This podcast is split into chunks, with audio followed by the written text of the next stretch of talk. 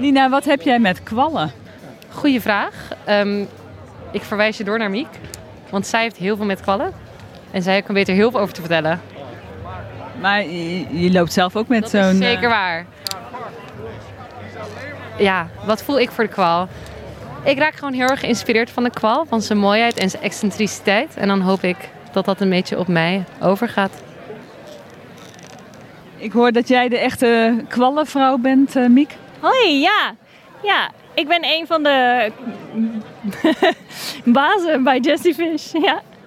En wat, wat vind je inspirerend aan een kwal? Heel veel mensen denken, eh, gadverdamme. ja, dat juist. Dus ehm, kwallen zijn een hele oude diersoort. En ze hebben geen hersenen. En dat gaat al heel lang goed. Al miljoenen jaren gaat het hartstikke goed zonder hersenen. Dus een kwal is gewoon in de zee. Een kwal is gewoon lekker zichzelf. Een kwal is altijd go with the flow. En dat gaat gewoon hartstikke goed. Don't overthink it. En een kwal, sommige kwallen zoals deze, hebben bioluminescence. Dus een kwal schijnt lekker zijn eigen lichtje. En als iets hem niet aanstaat, dan prikt hij. En volgens mij kunnen we daar allemaal nog wel wat van leren. Niet te veel nadenken. Lekker blij zijn met je eigen lijf.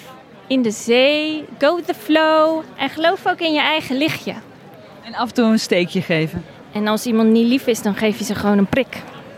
Helemaal zen natuurlijk. Je mag er heel lekker zacht uitzien, maar af en toe wel even prikken. Mag wel.